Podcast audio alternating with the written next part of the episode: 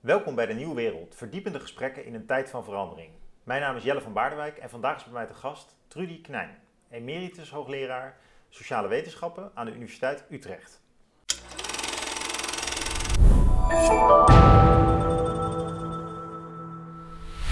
Trudy, Ja. je hebt onlangs een boek gemaakt met een aantal co-auteurs Yep. over de bijstand. Ja, Streng maar onrechtvaardig. Ik zal het even ophouden.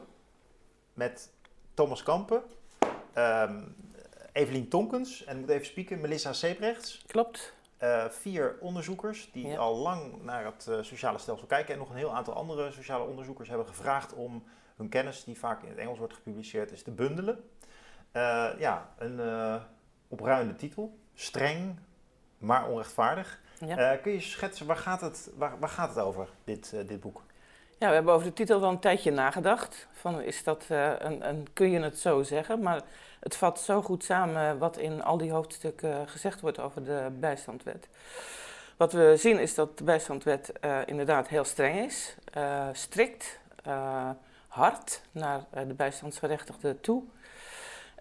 Dat kan op een rechtvaardige manier, zou dat kunnen gebeuren, maar al de hoofdstukken overziend moesten we tot de conclusie komen dat het onrechtvaardig is. Ja. En onrechtvaardig, ja, dat, dat is een, een, een in de sociale wetenschappen niet veel gebruikt begrip. Nee, Het voordat we daar... vooral in de politieke filosofie. Ja, ja, ja, zeker. Dat is een filosofische term. Voordat we Ja. daarop ingaan, misschien even een paar basisdingetjes hoor. Ja, Eh, hoeveel mensen zitten er eigenlijk in de bijstand?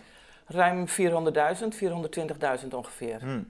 Is dat een gegroeid aantal of een gekrompen aantal? Nee, dat, dat, dat, dat fluctueert een, een beetje eh, in de loop van de decennia, maar het is al jarenlang zo, het kan 20, 30.000 per jaar ongeveer verschillen. Dat Ja. hangt een beetje af van, van de arbeidsmarkt, eh, van, van eh, Ja, de economische crisis, van het aantal eh, statushouders dat, dat binnen de gemeentes komt. ja. En welke groepen zitten er zo grofweg in? Want, Nou, meer dan de helft is, eh, zijn mensen met een migratieachtergrond. En dat, dat deel is behoorlijk eh, gegroeid eh, door alle nieuwe statushouders. En die hebben natuurlijk een aantal jaren nodig om de taal te leren en om op niveau te komen. En, en zodat ze klaar zijn om, om te werken. En in die periode zitten ze in de bijstand.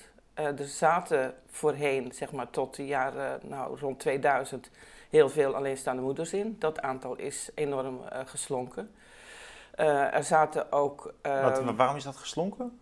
omdat ondertussen de arbeidsparticipatie van, van vrouwen zich heeft doorgezet en de regels naar alleenstaande moeders ook eh, wat eh, strenger zijn geworden in de jaren negentig. Eh, dus die groep is, is kleiner geworden. Het aantal gescheiden vrouwen dat zichzelf redt is, is, is groter geworden. En dat gaat Ja. echt om substantiële aantallen. Ehm, dat- en dat- die- ouderen eh, met een eh, verouderde opleiding eh, uit, uit de oude eh, industrieën, die, dat aantal is ook Ja. afgenomen. Oké, nou voor het basis speelt dan nog een ander ding. Als je gewoon, of als je alleenstaande bent, of je, je woont met z'n tweeën, je hebt de bijstand, hoeveel geld is dat? Eh, voor een gezin met kinderen is het 1400 euro ongeveer. Eh, en eh, zeg drie- 300, 400 minder voor, voor alleenstaanden. Zo rond 900.000 eh, euro. Ja, ja, ja, ja, ja. Dat is niet veel. Dat is niet veel en het is te weinig. Zowel CBS als SCP, als ook volgens de Europese criteria, komen mensen in de bijstand elke maand ongeveer 50 tot 100 euro tekort. Hm. Dus, dus het is armoede. Het is echt armoede. ja, ja, En ja. dan eh, heb ik het alleen nog maar over eh, als je echt het volle pond krijgt. Maar dat krijg je niet als je partner werkt, of... Nee, als je partner werkt en een inkomen heeft, krijg je niks. Nou, nee. Want eh, de bijstand is eigenlijk de enige voorziening waarin naar de middelen, inkomen, vermogen van het huishouden wordt gekeken. Dus zeg maar, heb jij, dat is een, een van de pleidoois van Van Paul de Beer onder andere. Heb jij eh, twintig jaar gewerkt, ehm, raak je in de WW, Ja, WW-periode loopt af. Je hebt 20 jaar premies betaald, maar die WW-periode loopt af. Je hebt die tijd geen werk kunnen vinden, maar je hebt een partner met een inkomen. Dan krijg je dus ook geen bijstand. oh ja, ja. Oké, dus dat is inderdaad, dat, dat, dat getuigt dan van de strengheid van het systeem. Ehm, Dat is, ja, dat, dat is ingebouwd in, in, in de bijstandwet vanaf het begin. de onderhoudsplicht Ja. binnen, binnen een gezin, familie, Ja. is da- daar... eh, Nou, dat is meteen een mooi bruggetje naar het eerste iets wat me opviel, ook aan jullie onderzoek daarnaar. Van wa- wat is er nou in de loop der tijd aan veranderd? Is het niet altijd wel streng en onrechtvaardig geweest? Eh, Nee, nee dat, dat is echt, eh, er zijn echt veranderingen. Dus de- je hebt de ABW, die eh Marga Klompé in, in 1965 heeft geïntroduceerd. En het uitgangspunt was, iedereen heeft recht op een redelijk bestaansinkomen. Hm. En eh, met een klein beetje extra. Dat bloemetje op de voorkant eh, van, van de kaft, dat is klompé, zeg maar. Het moet een klein beetje extra zijn. Je moet af en toe eens een verjaardagsfeestje kunnen vieren. Je moet af en toe eens iets leuks af kunnen. Ja, ja.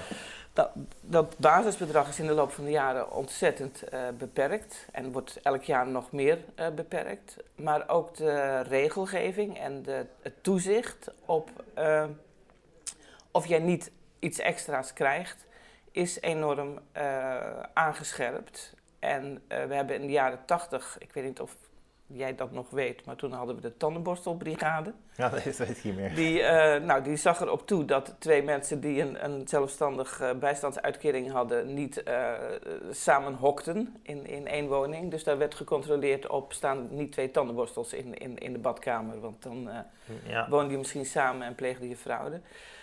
Dat is even een periode geweest, daar is veel kritiek op gekomen. En, maar nu, de afgelopen, nou zeg 10, 15 jaar, is het nog veel strakker en strikter eh, geworden. Dus de, de, de Ja. regelgeving, de, de toezicht op eh, dat je alles moet melden wat je mogelijk eh, in aanvulling op die bijstandsuitkering zou kunnen krijgen. Hè, Ja. de, de voorbeelden die... Het is van de week in het nieuws geweest dat Ja. mensen dan een boodschappentas van hun ouders krijgen of van vrienden. Ja. Een royale boodschappentas. En dat, eh, dat moet eigenlijk niet kunnen als je in de bijstand zit, eh, volgens het systeem nu. Eh, dus die mensen moesten dat dan terugbetalen. Ja, dat, dat is een zaak uit 2018. En dat was een mevrouw die ehm, af en toe boodschappen kreeg van haar moeder. Hm. Maar dat toont ook hoe, hoe, hoe strikt men die regels toepast. Dat is ontdekt omdat vanuit de sociale dienst er controle was bij haar. Waarschijnlijk is ze aangegeven door een buurman of buurvrouw, of dat weet, dat, dat weet men niet. Nee, er was, het was opgevallen dat ze weinig geld aan boodschappen uitgaf. En toen is men komen controleren, in de keukenkastjes gekeken. En toen Oh. zag men daar Albert Heijn boodschappen staan. En ja, dat kun je niet veroorloven van een bijstandsuitkering. Dus waar kwamen die vandaan? En toen ja, heeft ze gezegd, ja, mijn moeder doet af en toe boodschappen voor me. En eh, toen is ze eh, gekort op haar uitkering, want eh, ze kreeg iets extra's. En daar was, eh, Ja. kon ze dus minder bijstand krijgen. Nou, dat Nou. staat symbool voor een veel grotere strengheid die rond Ja. die bijstand is geïnstitutionaliseerd. Controles, checks, aan alle eisen moeten voldoen, administratie bijhouden. Anonieme aangiftes van, Ja. van, van eh, mensen van eh, hij of zij heeft eh, gewerkt, dat heb ik gezien. En, en, en je komt er nooit achter Ja. wie dat geweest is en of dat terecht was. Of misschien heeft de sociale dienst dat zelf wel verzonnen. Dat kan, kan net zo goed. Ja. We Je hebt zo geen meteen... privacy meer. Nee, want hoe vaak moet je dan in gesprek daarover als je de bijstand krijgt? Eh, dat varieert enorm. Eh, er zijn mensen die bijna nooit op gesprek komen omdat Ja. die afgeschreven zijn, zeg maar. Daar, Ja. Daarvan denkt men van nou, die, die, die eh, komt nooit meer aan het werk en die hoeft ook niet te komen. Dus die worden zeg maar min of meer verwaarloosd, worden niet goed begeleid. En er zijn mensen waar om de havenklap een oproep komt en Ja. dan moeten ze zich weer verantwoorden. Maar het is toch vanuit de overheid geredeneerd ook heel logisch dat we proberen om die mensen uit de bijstand te krijgen en ze weer weerbaar te maken, te motiveren om te solliciteren. Dus ik snap wel dat er veel mails binnenkomen en eh, eh, nou, spreekwoordelijk gezegd dat ze zo nu en dan bezoek krijgen aan de keukentafel Ja. om gemotiveerd te raken. Ik bedoel, het is niet alleen maar een eh, probleem van ze kunnen niet werken, maar soms lukt het ook niet of moeten ze erdoor geïnspireerd raken. Dus ik kan me voorstellen dat het ook wat het hele idee van de participatiemaatschappij, hè, Ja. van eh, laat je moeder nou juist helpen of, of een vriend of de buurman om jou weer aan de bak te krijgen. Dat, dat is toch ook de positieve energie, de goede bedoeling, laat ik het maar zo zeggen, Ja. achter dat controleregime? Of, Ja, maar nou haal je twee dingen door elkaar. Kijk, ehm, wij hebben gezegd, we noemen het onrechtvaardig omdat wij uitgaan van een rechtvaardigheidsopvatting die drieledig is. Die ontlenen we aan, aan de politiek filosoof Nancy Fraser, een Amerikaanse, die daar al heel lang over schrijft.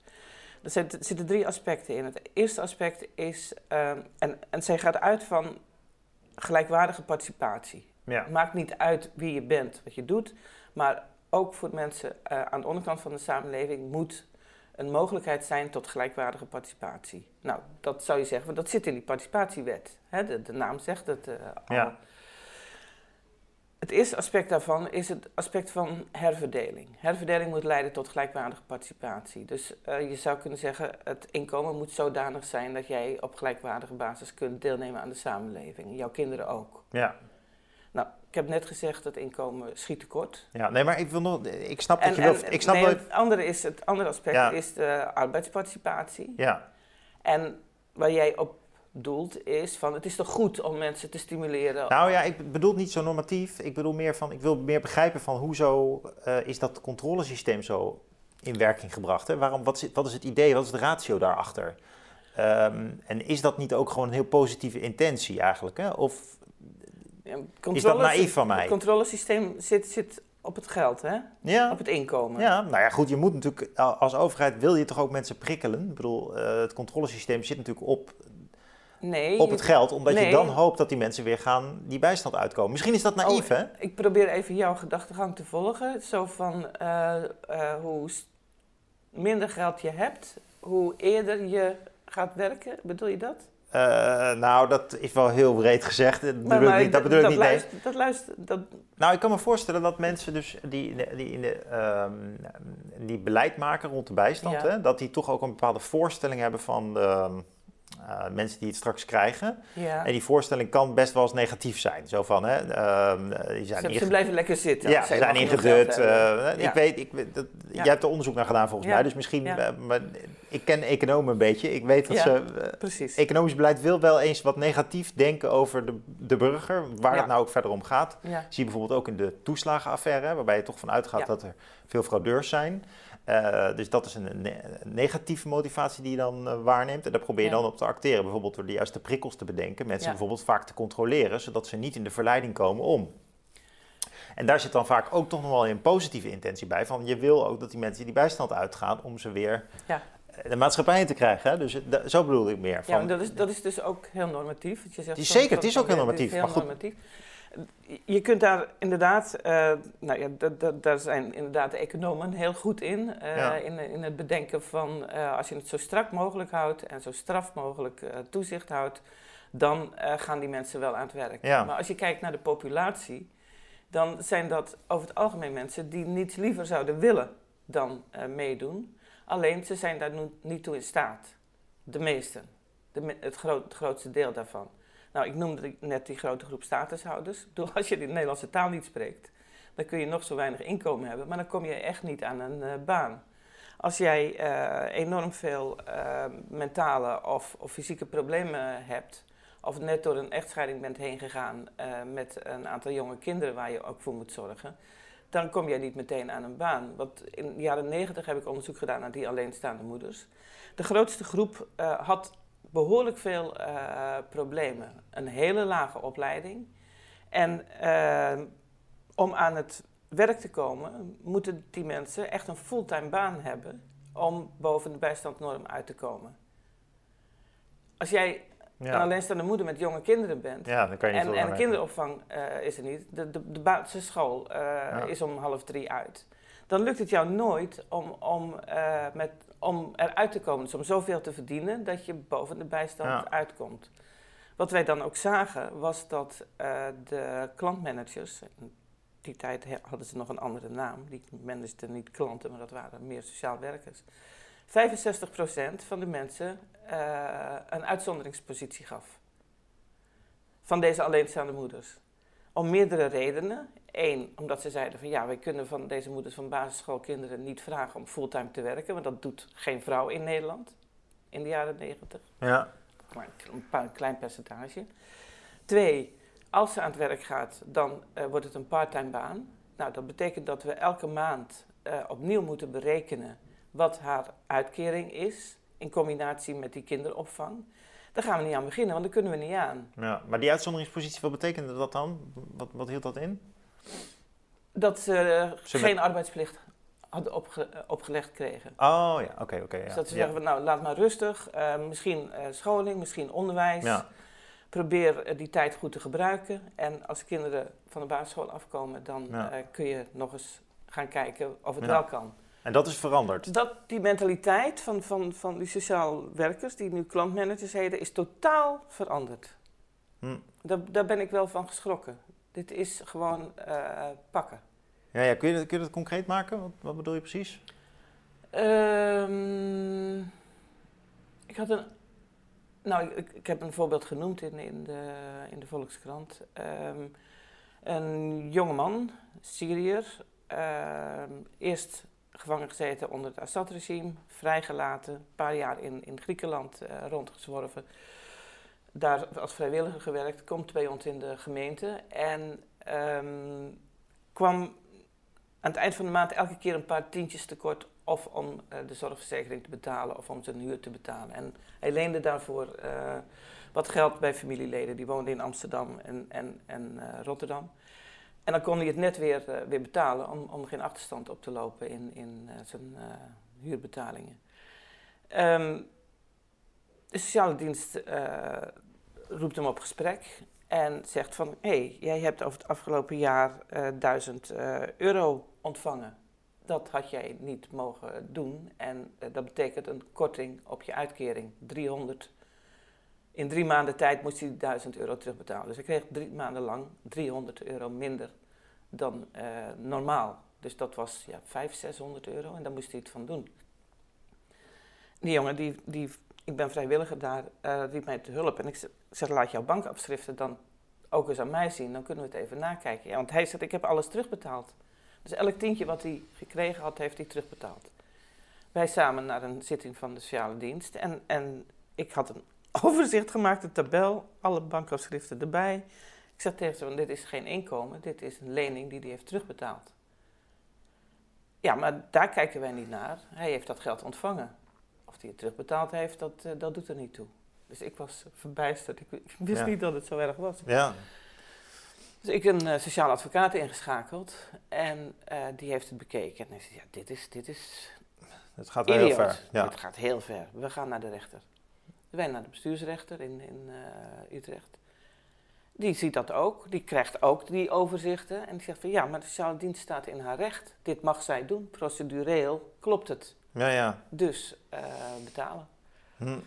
Nou, zo zijn er eh, enorm veel voorbeelden. Ja, maar de, de, de algemene gedachte erachter lijkt te zijn van als je dus in de bijstand zit, dan eh, mag je dat niet als een soort bouwsteentje gebruiken om verder nog te proberen met je familie en je vrienden daar wat omheen te bouwen. Maar dan moet je het daarmee doen. Ja. En de, de- volgens mij zit daar dan toch ook een, een prikkelidee achter van als we het als staat zo aanpakken, dan gaan die mensen er misschien ook sneller uit. Ja, maar dat, dat is Dat is natuurlijk een heel gek idee, Ja, maar dat dat, is een- dat een- is wel een bestuursrealiteit. Ja, en misschien zit er ook nog wel achter van eh, de belastingbetaler wil dat wij zo weinig mogelijk uitgeven aan eh, al die luie mensen. En, Ja, dat is eh, natuurlijk de politieke legitimatie Dat van... zal de legitimatie wel zijn, maar het, is, ehm, het, is, het, het werkt niet. Nee, nee. Het werkt niet om mensen er eerder uit te krijgen. Integendeel, deze mensen komen zwaar in de moeilijkheden. Die Ja. al bovenop hun inkomensprobleem Ja, dat zou- zitten. Want als je Wa- nou waardoor ze juist gedemotiveerd eh, raken en, en, en depressief en machteloos. En even- ja. juist hun, hun mogelijkheden niet, eh, niet benutten. Maar dat is wel interessant, want je zegt dan eigenlijk dus dat degene die stel dat je zo'n wat realistisch, cynisch wereldbeeld hebt, dat je zegt van hou het gewoon klein, dan is het ook onaantrekkelijk om erin te blijven en dan Ja. groeien ze er wel uit. Stel dat je dat eh, vanuit die positie redeneert, dan werkt het toch niet. Nee, dat werkt niet. Dus er is niet een groei van mensen die uit de bijstand komt. Integendeel, eh de eh, het Sociaal Cultureel Planbureau heeft dat dan veel grootschaliger eh, bekeken. En die zegt van nou, de participatiewet draagt absoluut niet bij aan snellere uitstroom uit de bijstand. Goh. Ja, Alleen maar aan dat mensen steeds meer in de moeilijkheden komen. ja. Heftig. Ja, dat is heftig. Het is ook heel naar om te zien. Ja. Nu naar de meer eh, ethische en politiek-filosofische kant. Ja. Dan wil ik zo meteen ook nog graag van je horen over eh, de internationale vergelijking die jullie ook maken. Ja. Uh, want je had het al over rechtvaardigheid. Dus er zit een bepaald rechtvaardigheidsidee achter de bijstand, zoals Klompé dat introduceerde in ieder geval. Ja. En zoals dat nu helemaal verschaald is geraakt. Ja. Maar er zit natuurlijk nog steeds een notie van rechtvaardigheid in. Want geld wordt wel gegeven aan die mensen om te kunnen leven. Ja, absoluut. maar ja, je, je, je pretendeert toch een eh, idee van rechtvaardigheid af te stoffen in jullie, in, in jullie boek. Ja. Eh, En jullie zeggen eigenlijk van ja, dat zou het moeten zijn. Wat kun je dat eens uit de doeken doen? Wat, wat is nou de basisdefinitie van rechtvaardigheid en hoe verrijken jullie dat? Ja, er zijn natuurlijk een heleboel opvattingen over rechtvaardigheid in de politieke filosofie. Je hebt de, de egal- eh, egalitaire opvatting die zegt van nou, iedereen moet gelijk behandeld worden en gelijkheid is, is, is de enige definitie van rechtvaardigheid is, is gelijkheid. De, Nou gelijke kansen is dan vaak een gelijke subtiele is dan, variant dan een daarvan. hè? subtiele variant daarvan. Ja. Ja. ja, je hebt de utilitaristische opvatting die zegt van nou het gaat om doelmatigheid en effectiviteit. En ik denk dat die opvatting heel lang ons beleid eh, bepaald heeft de afgelopen 30 jaar. Ja, nog steeds heel erg. Nog steeds heel erg. En je ziet dat overal in de procedures, de regels, de, de, de, Ja. de striktheid, eh, ideeën van efficiëntie en opsplitsen en, en eh, niet meer naar, naar heel de mens kijken. Wij eh, hebben gezegd van nou, dat, dat werkt niet. Eh, en dan is dat dus ook onrechtvaardig. En eh, wij hebben de opvatting van eh, Fraser eh, omarmd. En die zegt van nou, rechtvaardigheid bestaat uit drie onderdelen. Eén, herverdeling, waar ik net al even over begon. Mensen moeten voldoende inkomen hebben om mee te kunnen doen in de samenleving. Ehm, moeten voldoende opleiding eh, hebben. Eh, moeten, eh, een, een goede gezondheid moet, moet gegarandeerd zijn. Als dat, dat zijn de voorwaarden om gelijkwaardig te kunnen participeren in, in de samenleving. Ja, dus dat noem je herverdeling. Dat is herverdeling. Dus geld, gezondheid, onderwijs. dat zijn drie onderdelen. bepaalde daarvan. mate. In een bepaalde mate. Voor zover je Ja. eh, ja, als, als voorwaarde voor En dan neem je bijvoorbeeld een- voor geld, om even concreet meteen te maar rechtvaardigheid, dan neem je bijvoorbeeld de armoedegrens die zelf door het CBS ook gehanteerd wordt. Ja, Als, dat daar, lijkt- moet, daar moet in ieder geval boven. Ja, daar, daar moet het in ieder geval op. En als je de Europese eh, definitie van eh, armoede neemt, die ligt nog iets hoger. Dat is 60% van het mediaan inkomen. En daar zitten we al heel lang onder in, Ja. in Nederland. Ja, dan ga je natuurlijk ook uit van het gemiddelde van wat iedereen verdient. Ja. Ja, Inkomen, hè? Dan hebben we het nog niet over vermogen. Ja. Daar, dat laten we even buiten. duidelijk. Oké, maar dus de eerste stap is eh, een bepaald begrip van herverdeling. Ja. Nou, dat, zou, dat- dat zou bijvoorbeeld ook betekenen, als ik dat dan even mag afmaken naar het bijstand, dat je voldoende eh, begeleiding biedt in het eh, op een bepaald niveau krijgen, voor zover afhankelijk van degene die voor je zit natuurlijk, van de opleiding. Er zijn natuurlijk nu een heleboel mensen die vallen in de bijstand door verouderde beroepen. Er zijn ook heel veel mensen die op hun zestiende school verlaten hebben. Hè, en, en eigenlijk gebaat zouden zijn bij nog een paar jaar extra scholing. Ja, En eh, dan weer mee kunnen doen. Eh, wat ik bij statushouders gezien heb, eh, behoorlijk hoog opgeleide mensen die met een één jaar extra studie de Nederlandse arbeidsmarkt op zouden kunnen. Voor iedereen voordelig, voor hun en, en, en voor ons. hm. Die mensen worden gezegd, je gaat maar schoonmaakwerk doen. We hebben geen geld om jouw eh, extra jaartje hbo of, of master te betalen. hm. Schoonmaakwerk, huppatee, aan de gang. Dat is doodzonde. Dus dat, dat, eh, daar kan heel veel meer eh, gebeuren. En in Scandinavische landen zie je dat dat ook gebeurt. Mensen krijgen training, scholing, Ja. om ze weer te kwalificeren. En, en dat zijn dus faciliteren en Ja. investeren. In Is het niet zo, want mijn beeld van de bijstand is toch dat de meeste mensen daarin juist aan de onderkant van de arbeidsmarkt zitten. Maar er is dus een, Er is een groep, een, een groep high potentials, om het maar even zo te zeggen, absoluut. die, die niet wordt aangeboord, gek genoeg. Ja, Ja. ja. Maar ook die mensen aan de onderkant eh, zouden gebaat zijn bij eh, bijscholing en omscholing. Ja. Gewoon eh, een jaar naar Ja. extra VMBO, levenslang leren, volwassen onderwijs. We Ja. hebben het allemaal niet meer. Ja, nou, het is wel interessant als je begrijpt de herverdeling niet meteen economisch, maar ook dus langs onderwijslijnen. Middelen om gelijkwaardig te participeren. Ja. Ja. Boeiend. Oké, de tweede. Is erkenning.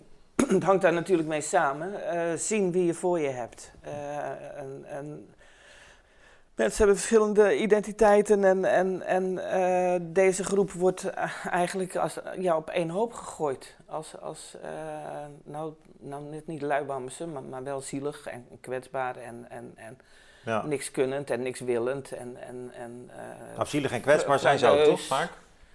nou, er zit heel veel potentie. Nee, ja. Als je het maar ziet en als je maar eh, ja. goed begeleidt en als je mensen maar erkent op wie ze zijn en niet denken van nou dat is iemand uit een Roma-familie, dus eh er zal wel eh, een Ja. grote auto voor de deur staan. Of Dus die die, mensen komen uit die en die wijk en ja, dat is dan een wijk waar, waar al, ik weet niet hoe lang, Ja. iedereen van de SOS profiteert. Dus dat zal met deze jongen ook wel zo zijn. Maar hoe, hoe stel jij dat vast als wetenschapper dat mensen zich niet serieus genomen voelen? Door de gesprekken met klantmanagers, die voelen dat eh, zij dat niet eh, kunnen of mogen en te makkelijk mensen over één kam scheren, dat zeggen ze zelf. En door de ervaringen van mensen in de bijstand die eh, verhalen vertellen waarvan je zeker weet dat die niet verzonnen kunnen zijn. Die Ja. zijn zo gedetailleerd en zo precies. Dat, Ja. dat, we hadden in het kerstdebat eh, bij Movisie, wat we eh, gehouden hebben naar aanleiding van, eh, van dit boek, een, een mevrouw uit Drachten met een HBO-opleiding, die twintig jaar had gewerkt, werkloos was in de administratie en op, op wat middenmanagementniveau is steeds minder werk door de automatisering. En eh, in Drachten werd zij eh, gedwongen om in een eh, fabriek te gaan werken om stickertjes te plakken. In plaats van dat ze, ze, ze, ze smeekte om, om omscholing. Zo van ja, ik heb een HBO-opleiding, 20 jaar gewerkt. Ja. Ik, Maar de kan ze toch ook zelf proberen te regelen dan? Of is dat naïef van mij om dat zo te vragen? hoe wou je dat doen? Nou ja, Als je boven de 30 bent, krijg je geen eh, lening meer. Dat is waar. Eh, als je geen werkgever hebt, kan als je je niet geen betalen. werkgever hebt, kun je het niet betalen. Ja. Eh, als je in de bijstand zit, dan Ja. mag je blij zijn als je het eind van de maand haalt zonder boodschappen van je moeder te krijgen. Maar je Dus dat zit echt in een niet. fuik dan. Je zit echt in een fuik. Ja. Heftig. Hè, dus die erkenning Ja, en dan word je dus eigenlijk heb je dat onderwijs niet, maar dat betekent ook dat je de, je hebt het onderwijs niet en dan is het ook heel lastig om je in de toekomst nog erkend te, te voelen. Ja, en, En ondertussen en je niet serieus worden, genomen. worden, en worden eh, niet serieus en worden bij voorbaat eh, gewantrouwd. Ja, Nou, en het derde belangrijkste aspect is, eh, belangrijk aspect is vertegenwoordiging. Dat, en da- daar heb ik mij ook heel erg over verbaasd. Ehm, dat wil zeggen dat je op gelijkwaardige basis geïnformeerd bent over je rechten en plichten. En dat is bij de participatiewet onmogelijk. Ehm, het, het, het lijkt een beetje op, eh, je wordt de weg opgestuurd in je auto, maar je kent de verkeersregels niet. Dus er kan elke keer iets gebeuren waardoor je een boete krijgt. Maar je, je, je, de borden over eh, maximum snelheid zijn weg. ja. Eh, de, de borden van verboden linksaf te slaan zijn weg. En je, je rijdt dus blind. Mensen worden niet goed geïnformeerd over wat hun plichten zijn. En al helemaal niet over wat hun rechten zijn. Hm. En nou ja, de weg naar de sociale advocatuur wordt eh, steeds eh, moeilijker gemaakt. Daar is eh Ja. staatssecretaris Dekker natuurlijk uitstekend in. Is- Dus dat betekent dat je ehm, een overtreding maakt zonder dat je je daar bewust van, van bent. Of eh, eh, ergens aanspraak op zou kunnen maken, maar dat wordt je niet verteld. Ja, nou, dat is allemaal vorige week in het nieuws geweest, dus dat weten we dat dat gebeurt. Dat is echt Als je eh, nou moeilijk. Ja, als je hier nou een klein beetje historisch naar kijkt, van, Ja. want je doet al heel lang onderzoek naar dit soort verschijnselen volgens mij. Ehm, is het nou zo dat we over deze drie panelen, dus ehm, herverdeling, erkenning en vertegenwoordiging, een heel duidelijke ontwikkeling zien? Is het bijvoorbeeld zo, om het anders te zeggen, was het rond 2000 veel duidelijker wat rechten en plichten waren? Was er toen een situatie waarin mensen zich toch serieuzer gevoeld hebben dan nu? En nou, het was in ieder geval niet zo dat de bijstand toen heel veel hoger was. Maar die andere twee, was dat toen dan beter geregeld? Ik, ik denk dat de, regels zijn eh, zwaar aangescherpt en de uitvoerenden in de, in de bijstand, dus de, de, klantmanagers, hebben veel striktere opdrachten om eh, het, het strak te houden. En dat heeft ook te maken met de decentralisatie van de bijstand naar de gemeentes natuurlijk. Hm. Kijk, ehm, in de jaren negentig voerden de gemeentes de sociale bijstand uit, maar het Rijk betaalde. Dus kon men zich op gemeentelijk niveau nogal wat veroorloven in eh, het clement zijn. En, en eens even goed kijken van hoe kan ik mensen helpen. Ja. En natuurlijk zijn er toen ook situaties geweest dat het eh, niet goed ging. Maar er was veel meer speelruimte voor de gemeentes. Nou, dat was een soort van freeriders gedrag van de gemeentes richting Rijk, want het Rijk Ja. betaalde wel. Dat is gedecentraliseerd eh, in 2004, geloof ik. En eh, toen werden de gemeentes zelf verantwoordelijk. Moet, moet ik even kijken of dat nou Nou ja, ongeveer nou, in die ongeveer. tijd. Is dat ook de, de grote omslag naar de participatie? En in de, wetgeving ja, en in de participatiewet 2014-15. Oh, dat is pas veel later dus. toen ehm, is het ook nog eens zwaar gekort op het reïntegratiebudget van de gemeentes. Dus de, de, gemeentes kregen de crisis eroverheen, 2008, 2012 ongeveer. En het reïntegratiebudget, dus de, de middelen om mensen te helpen bijscholen, omscholen, kwalificeren, trainen. Om weer in de arbeidsmarkt te om weer de arbeidsmarkt, die zijn afgesneden, zo goed als. Dus de gemeentes zitten ook klem. Hmm. En uh, nou, er zijn gemeentes die echt helemaal niet uitkomen. Ja, dus die, ja, waar kun je op bezuinigen? Bijvoorbeeld op de bijstand. Ja, ja. Binnenhalen wat je binnenhalen kunt. Oké, dus het is wel echt nog weer strenger geworden. Ja, in de uitvoering zeker. En, en, en, en nou ja, er zit nog een element bij. Ehm, het is gedecentraliseerd, dus de gemeentes moeten het zelf uitvoeren. Maar de grote schrik van VNG, Vereniging Nederlandse Gemeenten, was uh, voor de invoering van de, van de participatiewet, een aantal jaren daarvoor begon die discussie al, ongelijkheid tussen burgers.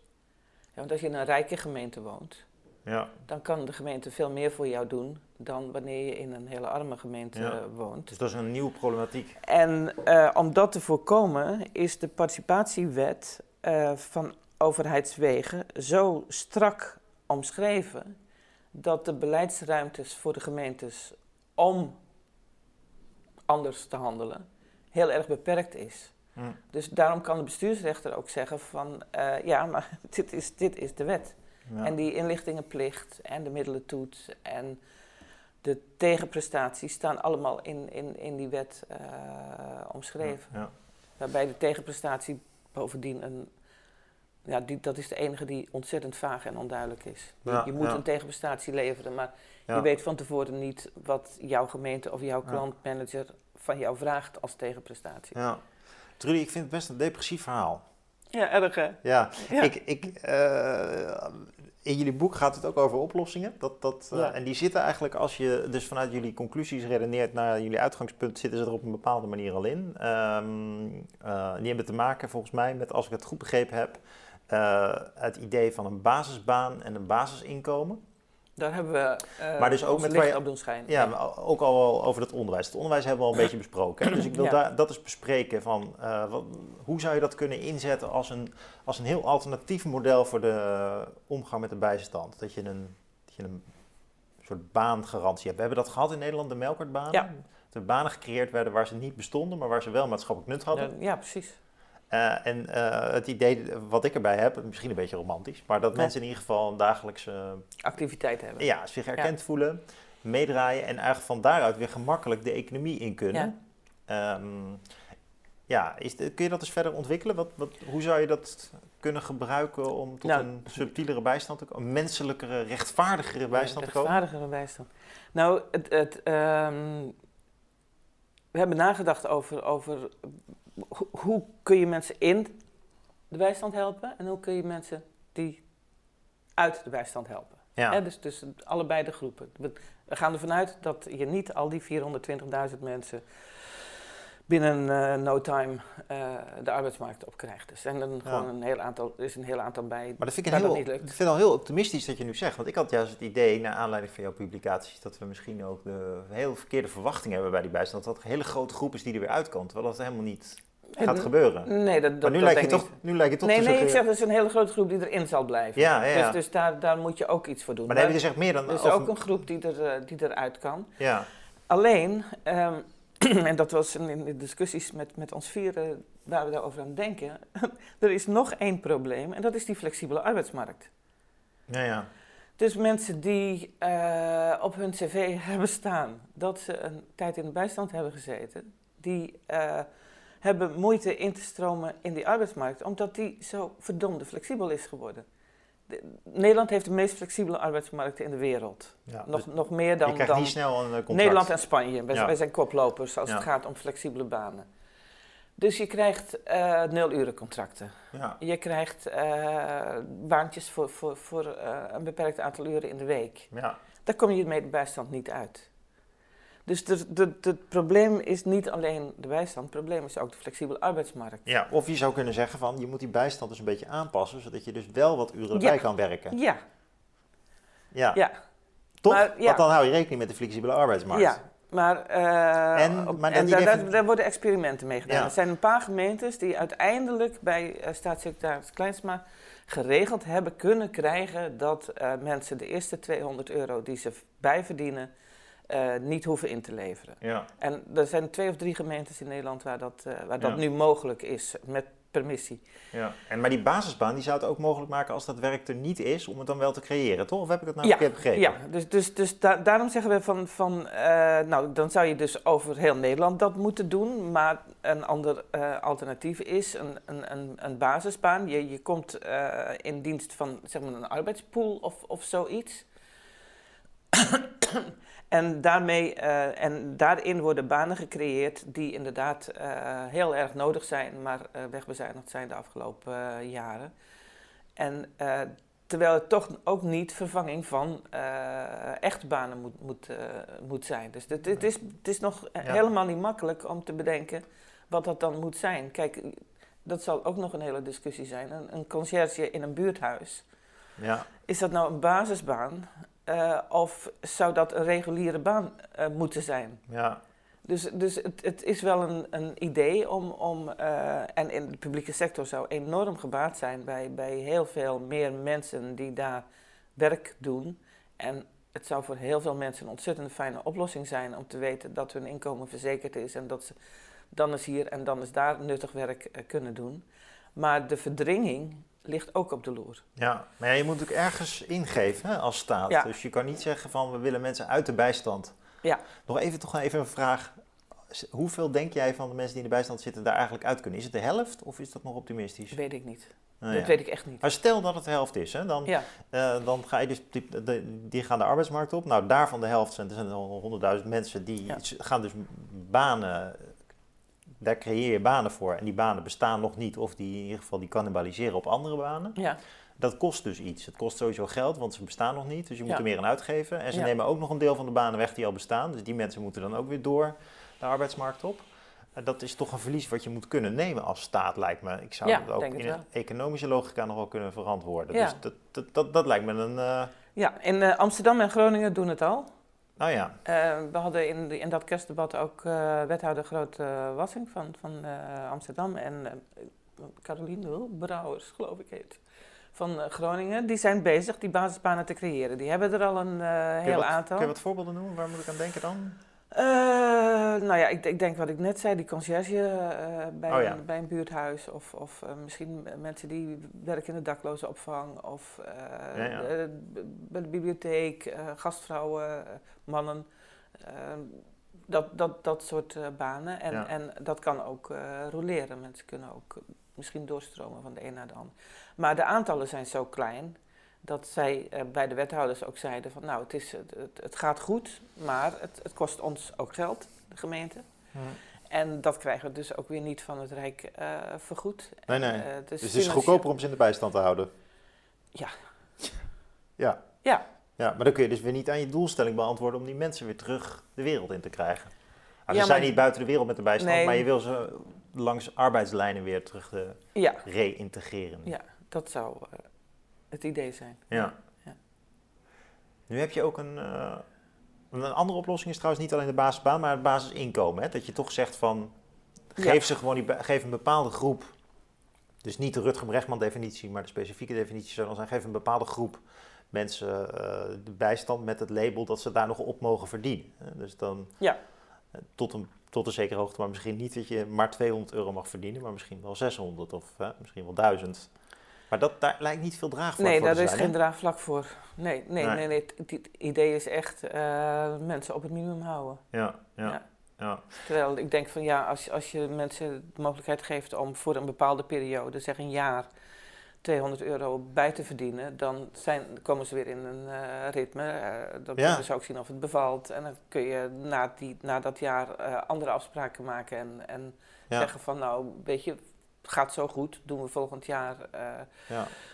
er nog 100 bij. En, en, maar dan gebruiken we dat jaar ook om te zorgen dat je een, een contract hebt en, en dat je er echt uit kunt. Ja, dus die, die, groeimogelijkheden, dat, dat, dat is de. Is geen maatwerk wat dat betreft. Nee. nee. Sneu eigenlijk. Ja. Ehm, je hebt ook internationale vergelijkingen gemaakt, in ieder geval je co-auteurs. Ja, we, uh, als we nou heel, heel snel nog zeggen van uh, er is een Engels model, een Duits model, een Frans model. Hoe doen wij het eigenlijk vergeleken met die andere landen? Hebben wij een hoge of een lage bijstand?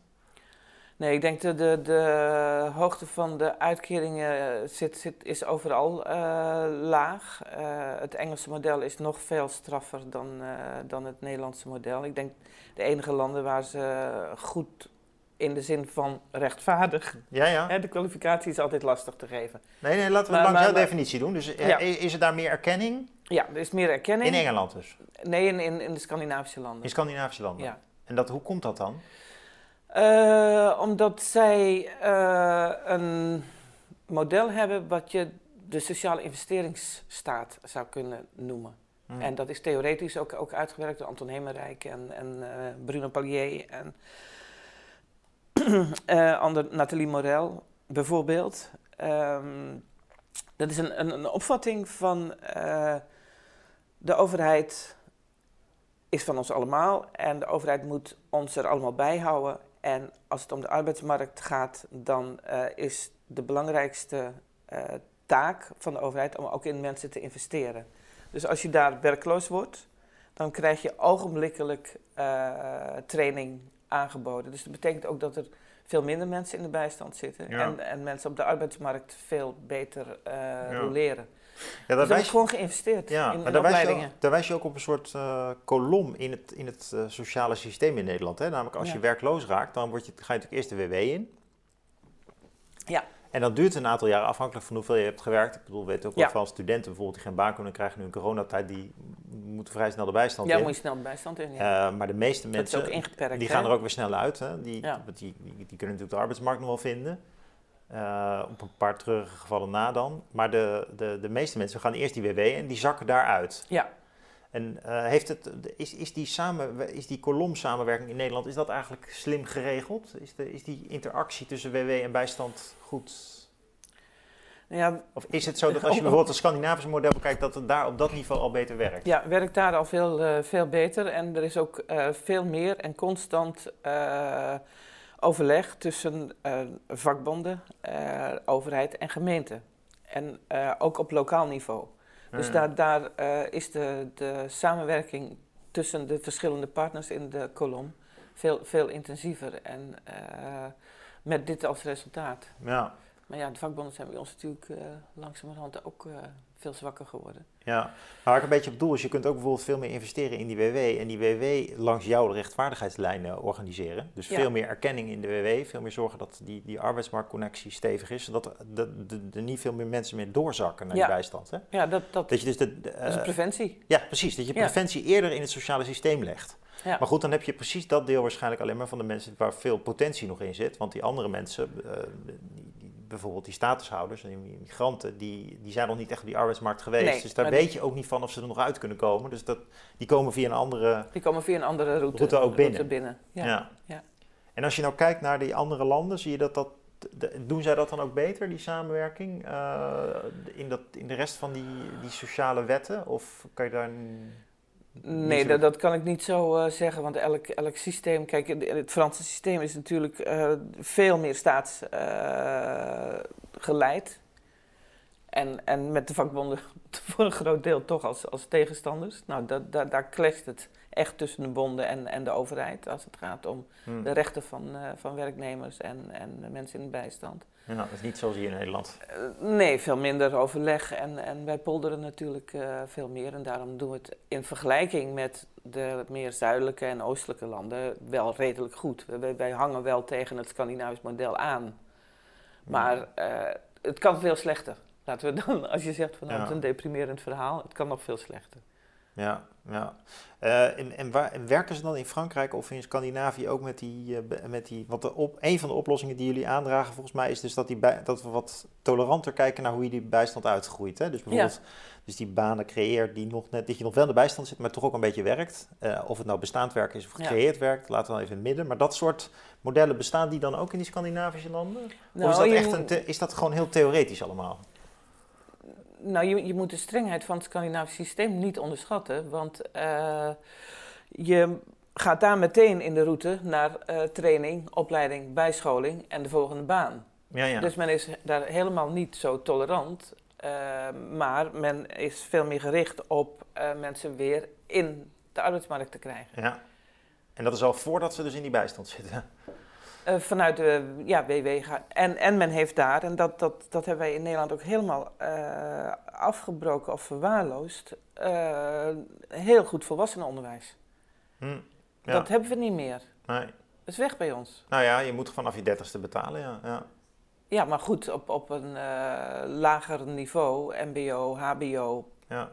Ik zou niet weten waar je dat nog kunt, uh, kunt krijgen hier. Ja, nou ik weet wel, dus als je alleen maar mbo hebt bijvoorbeeld, kun je na je dertigste nog wel een hbo-opleiding doen. Dus okay. dat, het is nog iets subtieler. Nog iets te doen. Maar als je al een hbo-opleiding hebt en je moet nee, omgeschoold worden, is het, uh, is het klaar. Ja. ja. Je ziet ook in coronatijd dat er wel heel veel politiek draagvlak is om daar nu beslissingen op te gaan nemen. Ja. Bijvoorbeeld denk aan die uh, piloten die dan uh, verpleeg, uh, verpleegkundige kunnen worden. Ja, dat kan eigenlijk niet, want die, die hebben al een HBO-opleiding genoten. Dus dat zou heel duur zijn. Maar je zou een soort van, bij dat soort vitale beroepen, zoals dat dan nu heet, zijn er volgens mij al uitzonderingen mogelijk. maar dat, zou eigenlijk dat niet. Ja, nee, dat is wel goed nieuws, maar dat blijft dus nogal beperkt. Want dan heb je ja, het, ja, het gaat dan om, om één kleine sector. Ja, op zich, dat maatwerk, daar hou ik wel van, want dat is wel degelijk een oplossing met maatschappelijk nut. Hè? Dus je kunt ook zeggen van, uh, maar dat zou hier in deze sector, om maar zo te noemen, ook wel wat kunnen ja, toevoegen? Nou ja, ik weet dat, dat in de jaren tachtig de, de, de vakbondscholen voor uh, vrouwen, de vrouwenvakscholen, bijvoorbeeld ontzettend veel mensen, vrouwen geholpen hebben om uh, ja. uit de bijstand te komen. En, uh, maar die zijn ook allemaal weg. Ja, dus het waren andere groepen dan de, dan, dan de staat die dat, die verantwoordelijkheid namen. Ja. ja. Eigenlijk is dat. Dat is jammer dat het er niet meer is. Nee, ja. Ja, de, dus zou weer opnieuw moeten beginnen. Ja, nou ja, nu je met emeritaat bent misschien. Ja, nee. Ik heb ze te lang les gegeven om dat weer te willen. Trudy, dank dat je hier was om te vertellen over jullie boek. Streng, maar onrechtvaardig.